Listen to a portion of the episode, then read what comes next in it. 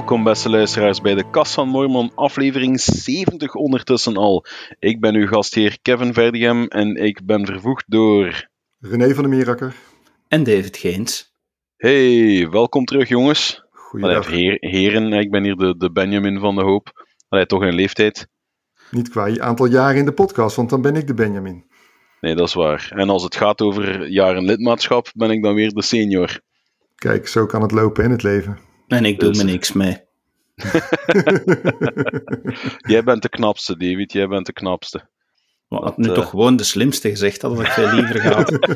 Ja, maar in, Neder in Nederland is de knapste de slimste. Ja, de slimste is meestal de knapste. Ja. Knap en Ja, slim. voilà. Ja, We moeten dat- ons aanpassen naar ons publiek, hè, David. Hè? We hebben dank jullie wel. luisteraars in Nederland ook. Hè? Ja, er is een hele schare bijgekomen sinds ik eh, bij de podcast ben. Ja, dat in ieder geval wel. Eh, Dus eh, we letten nu wel op dat we, eh, wat we doen met een kleedje. Die snap ik even niet. Ja, zie je? Van, automatisch, dan heb, je, dan heb je de Hollander weer niet mee. Van, een kleedje, wat is een kleedje volgens jou, René? Een kleedje, dat is iets waar je op kan zitten.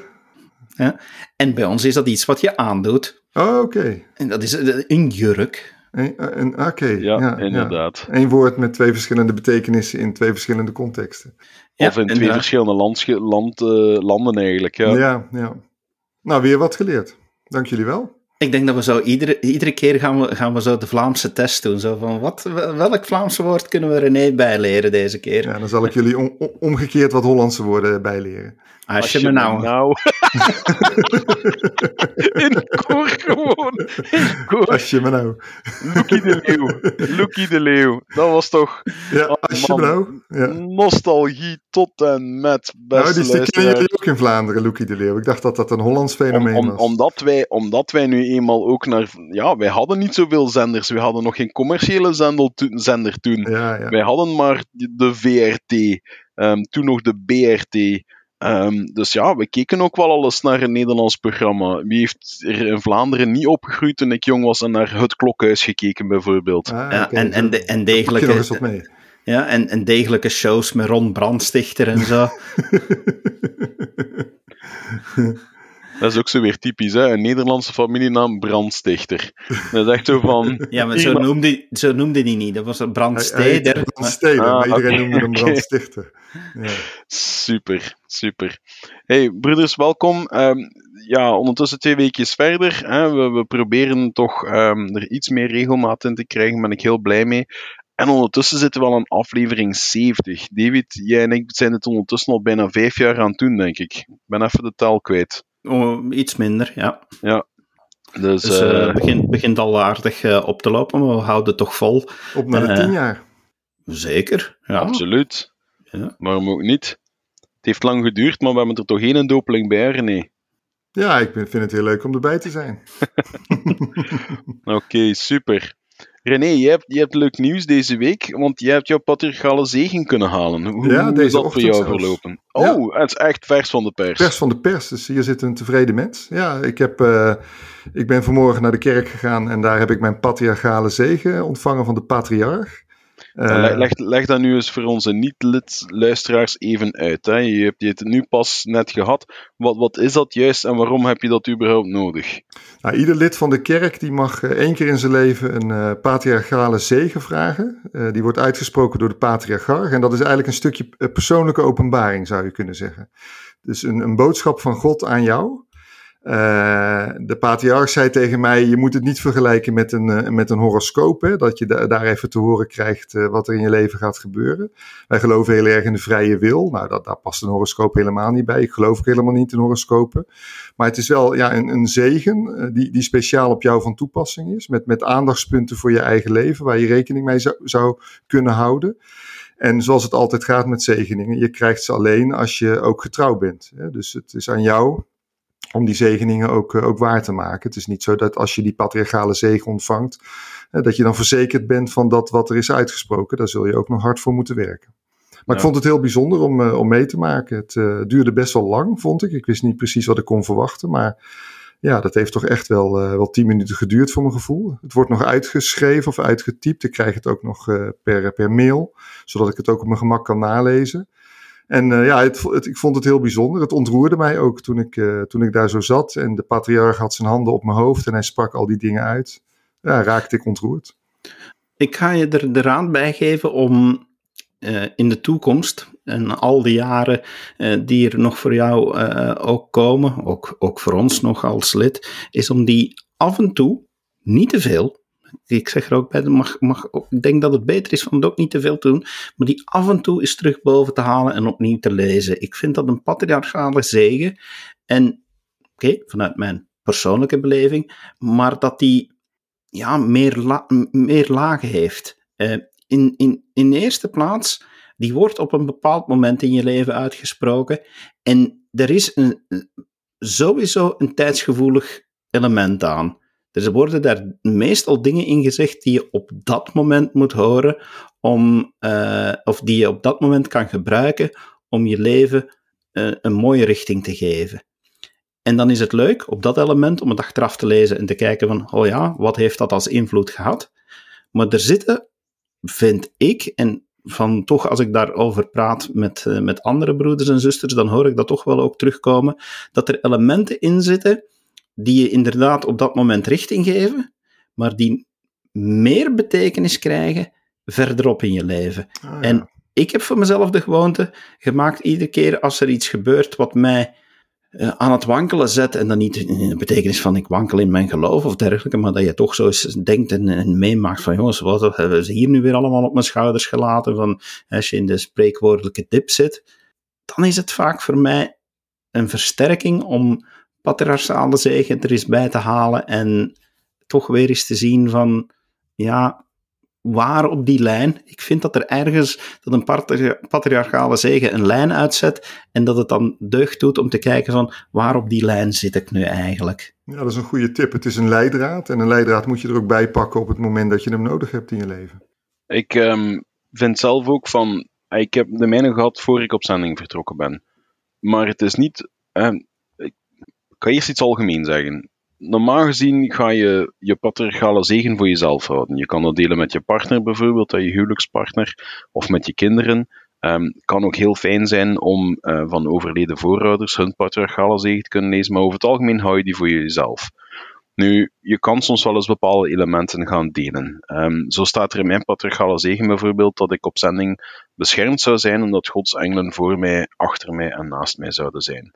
Nu, terwijl ik op zending was. En mijn moeder was, was best ongerust. Ik zat uh, mijn eerste gebied in Glasgow. Moet je weten dat zes maanden voor ik daar toegekomen was, dat een zendeling was neergestoken. Um, heeft het overleefd, daar niet van, maar hij had wel een meswonde.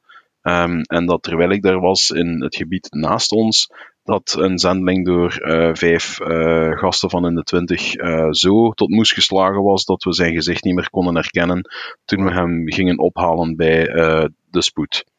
Um, dus mijn moeder was heel ongerust. En dan was het wel fijn om ook dat te kunnen delen met haar. Van kijk, hè, ik heb de belofte in mijn patriarchale zegen dat de Heer um, met zijn engelen over mij zal waken. En waarom haal ik dat ook aan? Ja, ik hoop later ook met mijn echtgenoot op zending te kunnen gaan. Ik weet niet waar ik op dat moment zal zijn, maar dat stuk kan evenzeer voor mijn zending later. Ja, als, ik, ik, als ik op pensioen ben, als tegen dan Christus nog niet terug is. Um, maar ja, dat, dat, heeft daar dan, dat kan daar evenzeer betrekking op hebben. En ik denk dat dat ook, David, verbeter me als ik fout ben, ik denk dat dat een beetje is wat je bedoelt met meerdere lagen, dat bepaalde stukken op andere momenten van je leven een andere betekenis kunnen gaan krijgen. Ja, maar om, omdat die ook een blijvende invloed hebben. Om, om een voorbeeld te geven uit mijn patriarchale zegen, toen ik hem kreeg, eh, nog, nog maar een maand of twee, drie lid van de kerk, um, ja, daar, daar toch vrij snel het advies gekregen om die te krijgen. Dus ook nog een jonge vader. En uh, voor mij nog altijd een van de belangrijkste taken uh, die, die ik heb, uh, in, in alle taken en roepingen die ik heb, is, is vader zijn en, en vooral dan een goede vader zijn en mijn kinderen een goede richting te kunnen meegeven in het leven. En dat, op dat moment was het voor mij van, kan ik dat wel? Ja, ik, ik heb een behoorlijke rugzak mee te dragen. En dan was dat toch echt een zorg. En, en zeker dan ook door de keuze te maken om lid te worden van de kerk. Dat, dat gaf er een hele andere dimensie bij. En ja, dan, ik zat enorm met die vragen. En ik had de patriarch nog nooit ontmoet, inmiddels is het een goede vriend, maar op dat moment, hij had me nog nooit gezien, ik had hem nog nooit gezien. Die kon echt niet weten wat, dat dat een zorg was die al twee jaar in mijn hoofd zat. En in die patriarchale zegen wordt dan gezegd, en je zal een goede vader zijn. Heel simpel, dat zinnetje. Wordt zoveel in gezegd, maar dat ene zinnetje stond erin. Ja, dat is iets, op dat moment was dat van, ja, dit moest ik nu echt horen. Dat moest je op dat moment horen, ja.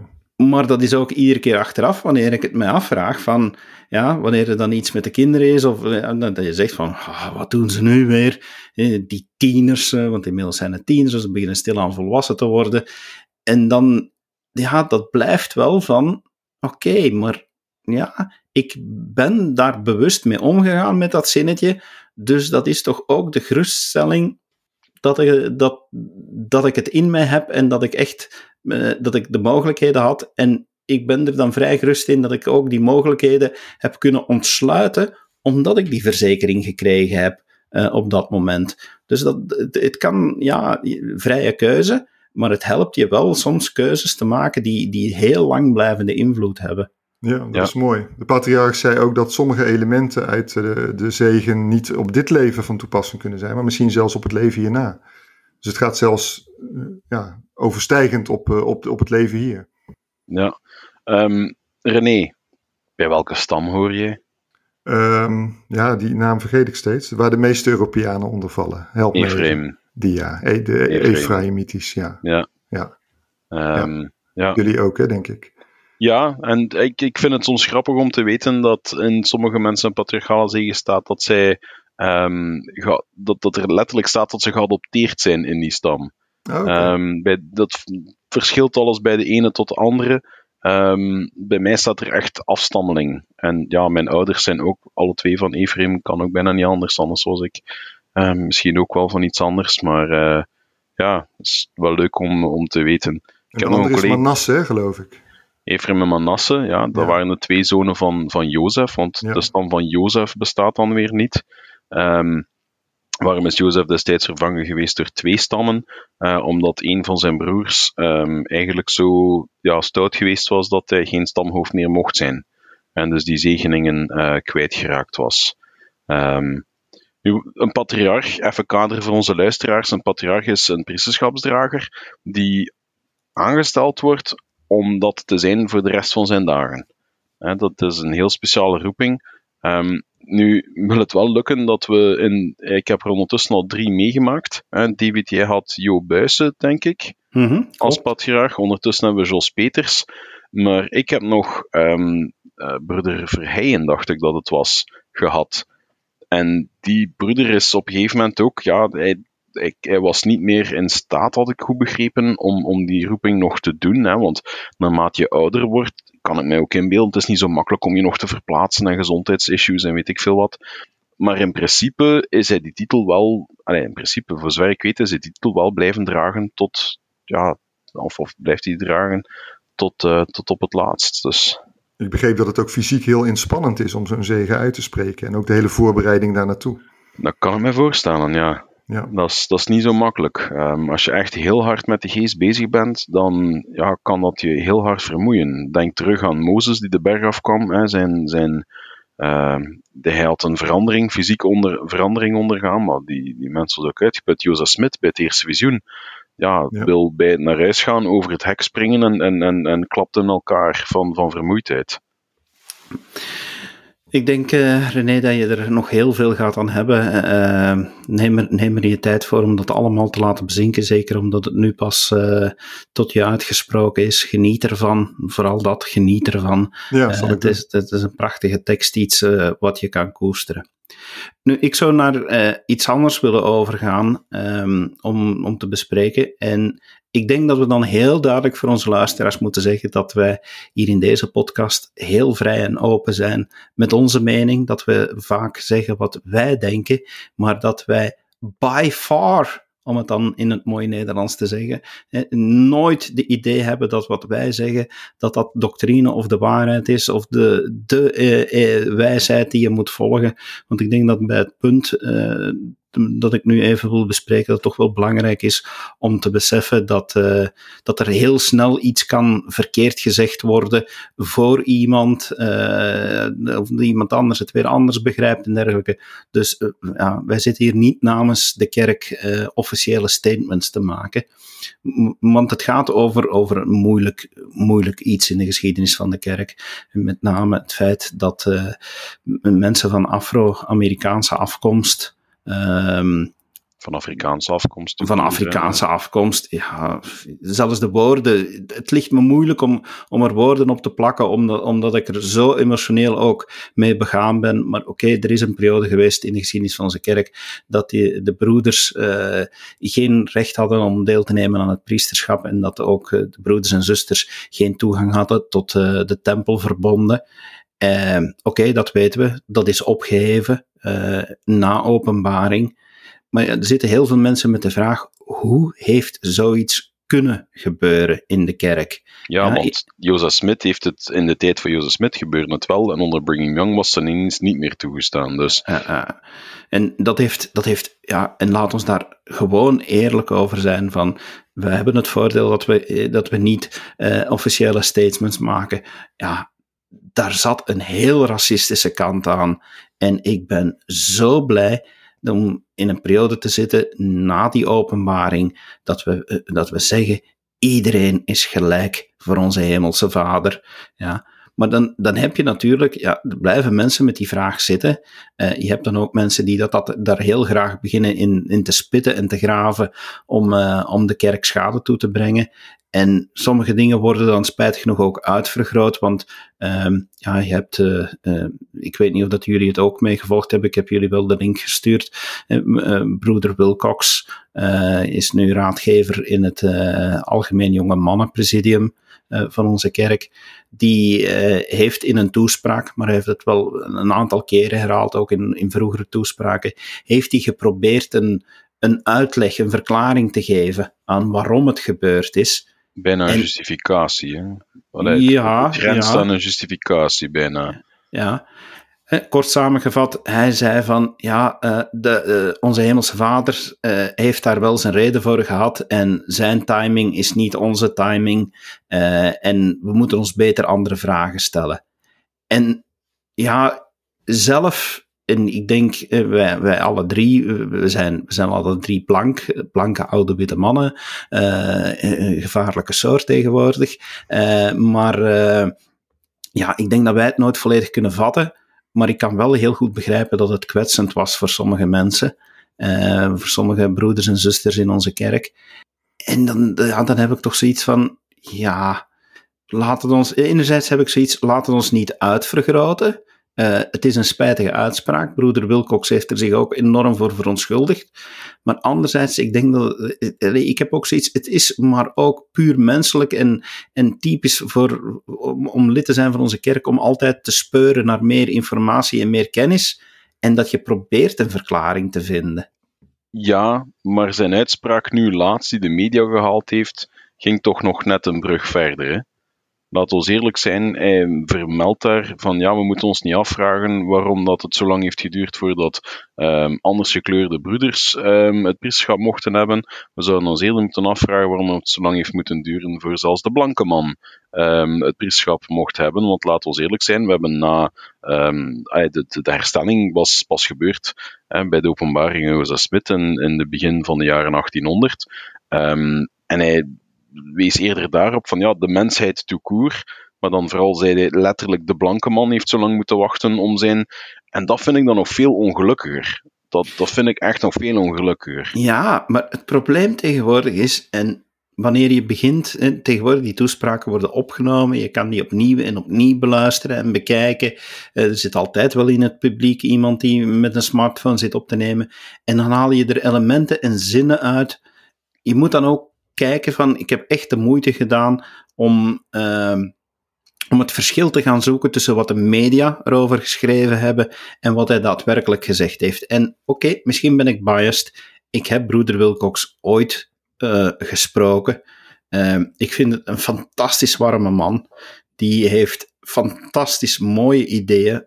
een enorm groot hart, heb ik gemerkt tijdens die twee uren dat ik met hem heb kunnen praten. Ik ben ervan overtuigd dat hij nooit de bedoeling heeft gehad van iemand te kwetsen. Dat, dat, dat zie ik echt in hem totaal niet. Dan zou ik moeten echt heel, heel ellendig zijn in mensenkennis. Dus ik heb ook wel de moeite gedaan om eens na te denken van oké, wat heeft hij nu werkelijk gezegd en kan je dat ook op een andere manier interpreteren? En dan inderdaad moet je gaan nadenken dat hij gezegd heeft van er zijn zoveel vragen waar we, die we zouden kunnen stellen, waar wij geen antwoord op hebben, omdat het voor ons te moeilijk te begrijpen is en voor een hemelse vader wel begrijpbaar is, maar wij proberen op een menselijke manier verklaringen te geven. En dat is eigenlijk wel de kern waar ik het wel met hem eens ben. Ja, wij proberen menselijke verklaring te geven en daar is niks mis mee, maar soms is dat gewoon niet mogelijk. Ja, het, het, laat ook maar weer eens zien dat onze leiders ook niet onfeilbaar zijn. Kijk, er was kritiek op de inhoud van wat hij heeft gezegd en ook op zijn spottende toon. Hè, of, of, sommige mensen vonden dat een beetje spottend overkomen. Ik, ik ben er ook van overtuigd dat hij het niet zo bedoeld heeft. Maar het is natuurlijk een onderwerp waarbij je sowieso al op eieren moet lopen. Dus je maakt heel snel fouten.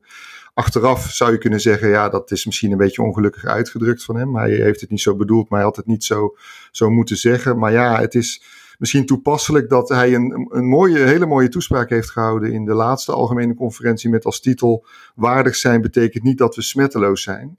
En met andere woorden, eh, fouten maken is ook menselijk. En ik denk dat, ja, dat dit hier ook onder valt. dus dat hij, niet, uh, dat hij dit beter anders had kunnen zeggen, dat weet hij inmiddels zelf ook wel, denk ik. Ik, ik vraag me dan af in welke mate dat, zeker als je op een bepaald niveau um, gaat spreken, um, als kerkleider en, en, en ook als kerkleider ergens naartoe gaat en dan een toespraak geeft, in welke mate dat we als kerk, als organisatie dan, onze leiders niet betere mediatraining zouden moeten geven om hen te wijzen op van kijk, dit speelt nu in de wereld, wees daar gevoelig voor. Als je bepaalde uitspraken doet, kies uw woorden zorgvuldig. Maar dan nog gaan er fouten gemaakt worden. Dan en, nog is dit een onderwerp waar je snel op uitgeleid hoor, denk ik. En, en, en dan nog, wat ik dan belangrijk vind, en de reden waarom ik het belangrijk vind dat wij erover praten, is dat we allemaal, iedereen binnen en buiten onze kerk, moet beseffen dat wij heel duidelijk een aantal dingen uh, zeggen maar ze soms zelf niet navolgen. In die zin, ja, er wordt gezegd dat sinds de herstelling onze kerk nooit zal weggeleid worden. Ja?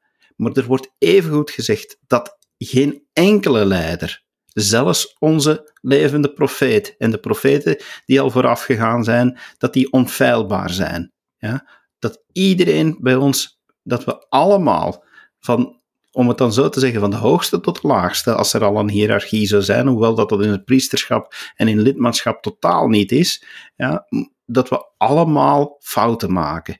Maar daar hebben we het dan toch zo moeilijk mee, want dan, dan beginnen we toch zo snel dat iedere toespraak uh, die, die op een algemene conferentie wordt gedaan, en dat ieder uh, ieder artikel die door een kerkleider wordt geschreven en gepubliceerd in de Diahona, dat die de status van schriftuur krijgt.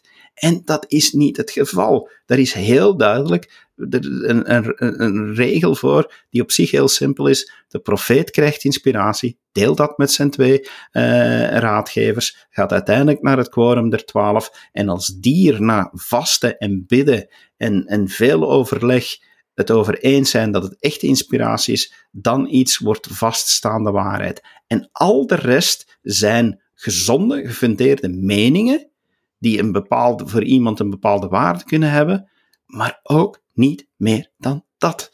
En dus bij gevolg onze kerk, en dat vind ik heel spijtig, uh, en, en, dat is het laatste wat ik er wil, wil over meegeven, is ja, door die uitspraken van onze kerk zal niet weggeleid worden, ja, wordt het voor sommige mensen heel moeilijk te aanvaarden. Uh, en zelfs voor onze kerkleiders, denk ik, om te zeggen: Ik was mis. Ja, broeder Wilcox heeft dat nu wel gedaan, maar gewoon algemeen als kerkleiding nu zeggen, we zouden over die hele periode kunnen zeggen van, ja, dat die ban, dat dat, dat, dat gewoonweg fout was.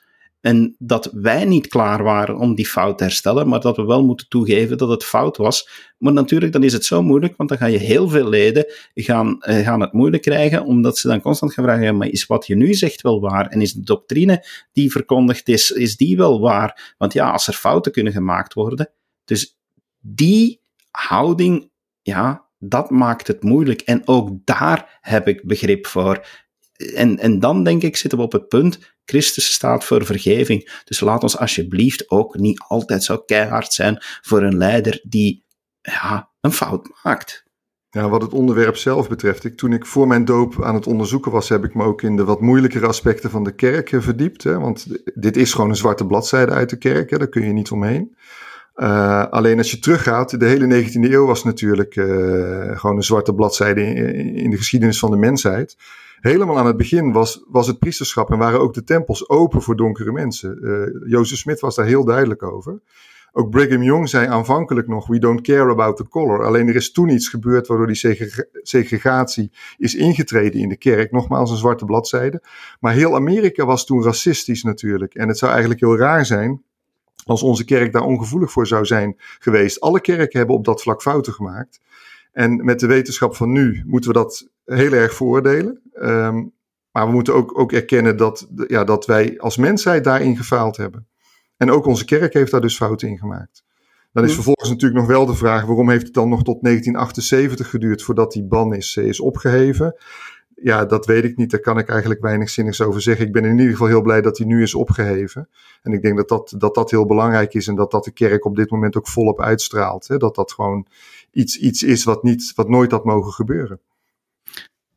Ja, en dat is exact wat ik bedoel. Van, ja, laat ons voornamelijk kijken naar het feit dat we bijgeleerd hebben. Lijn op lijn, voorschrift op voorschrift. We leren bij, we doen het gelukkig er zijn er nog heel veel mensen die moeten bijleren, want dan naar aanleiding van het hele artikel, dan hoor je dat er toch nog altijd wel eh, racisme wordt ervaren in onze kerk. En, en, dan doet me dat veel meer pijn dat dat er nu nog is. Ja. Uh, en dus dat we, dat we moeten bijleren en dat we gewoon moeten aanvaarden, jongens, het is geen, wij, wij zijn niet perfect. Ja, we streven ernaar en we willen dat zijn en daar is niks mis mee, maar we zijn het niet bijgevolg zijn er dingen die fout zijn. En ja, dat is gewoon zo. We hebben het in een eerdere podcast er ook al over gehad. Er is een groot verschil tussen het evangelie en policy. Ja, ja ook een wereld van verschil. Uh, als we alleen al gaan kijken naar LGBTQ-gezinnen waar um, uh, same-sex uh, koppels als hun kinderen wensen gedoopt te worden, heeft het ja, jarenlang zo geweest dat het niet mogelijk was voor hen om gedoopt te worden, omdat hun ouders um, ja, hetzelfde geslacht hadden. En dan zie je van ja, daar doe je mensen mee pijn. En dan zie je ook van ja, goed, kijk, daar, daar komt dan ook wel weer verandering in. Ja, kan je dan gaan zeggen van ja, die pijnlijke periode had er nooit mogen zijn. Ja, maar dan ga je inderdaad weer voorbij aan het feit dat je mensen mensen moet laten zijn. En dat je mensen moet fouten kunnen laten maken. En um, met mijn nieuwe job ook um, heb ik het ook al gezegd, en, en, aan sommige collega's ook, dat als je al eens een foutje maakt als bedrijf naar je klant toe, um, dan maakt het veel minder uit. Moet ik het zeggen? Dan maakt het veel minder uit dat je een fout gemaakt hebt, dan wel hoe je het oplost. En ik denk dat dat voor onze kerk niet anders is. Ik denk inderdaad dat, uh, ja, dat we toch. Uh, ja, ik, ik blijf het zeggen, dat we gewoon moeten aanvaarden. Er zijn fouten en inderdaad ook naar, naar, naar, naar de hele gemeenschap die, die, die, die echt wel problemen en pijn ervaart omwille van alle aspecten die er komen bij kijken bij same-sex attraction. Ik weet één ding, het belangrijkste voor mij als lid van de kerk, voor mij als christen, is dat ik iedereen graag zie en dat er gewoon liefde is. En dat staat zo ver bovenop, bovenop de vragen die ik mij ook stel. En dat ik dan zeg van persoonlijk, oké, ja, huwelijk man-vrouw, dat is echt wel, zit in de doctrine. En totdat die procedure wordt gevolgd, waar ik het daar straks over had, blijft dat doctrine. Maar way daarboven staat voor mij die liefde en dat begrip en proberen, en proberen diegenen die pijn hebben te helpen om met die pijn om te gaan en dergelijke. En dan heb ik zoiets van, ja, waarom, ja, er wordt zo graag op het negatieve gefocust. Dan heb ik zoiets van, waarom kunnen we eens niet wat meer focus en energie steken in het feit dat er ook positieve dingen zijn? Waarmee ik dan omgekeerd ook wel niet wil zeggen tegen diegenen die pijn hebben van, oh, doe niet kleinzierig, hè, van, het is niet belangrijk dat je pijn hebt. Integendeel, die pijn is er en het belangrijkste is dat we die erkennen en dat we daar begrip ook voor hebben, want dat betekent liefde. Maar ik zeg daar dan ook heel eerlijk op.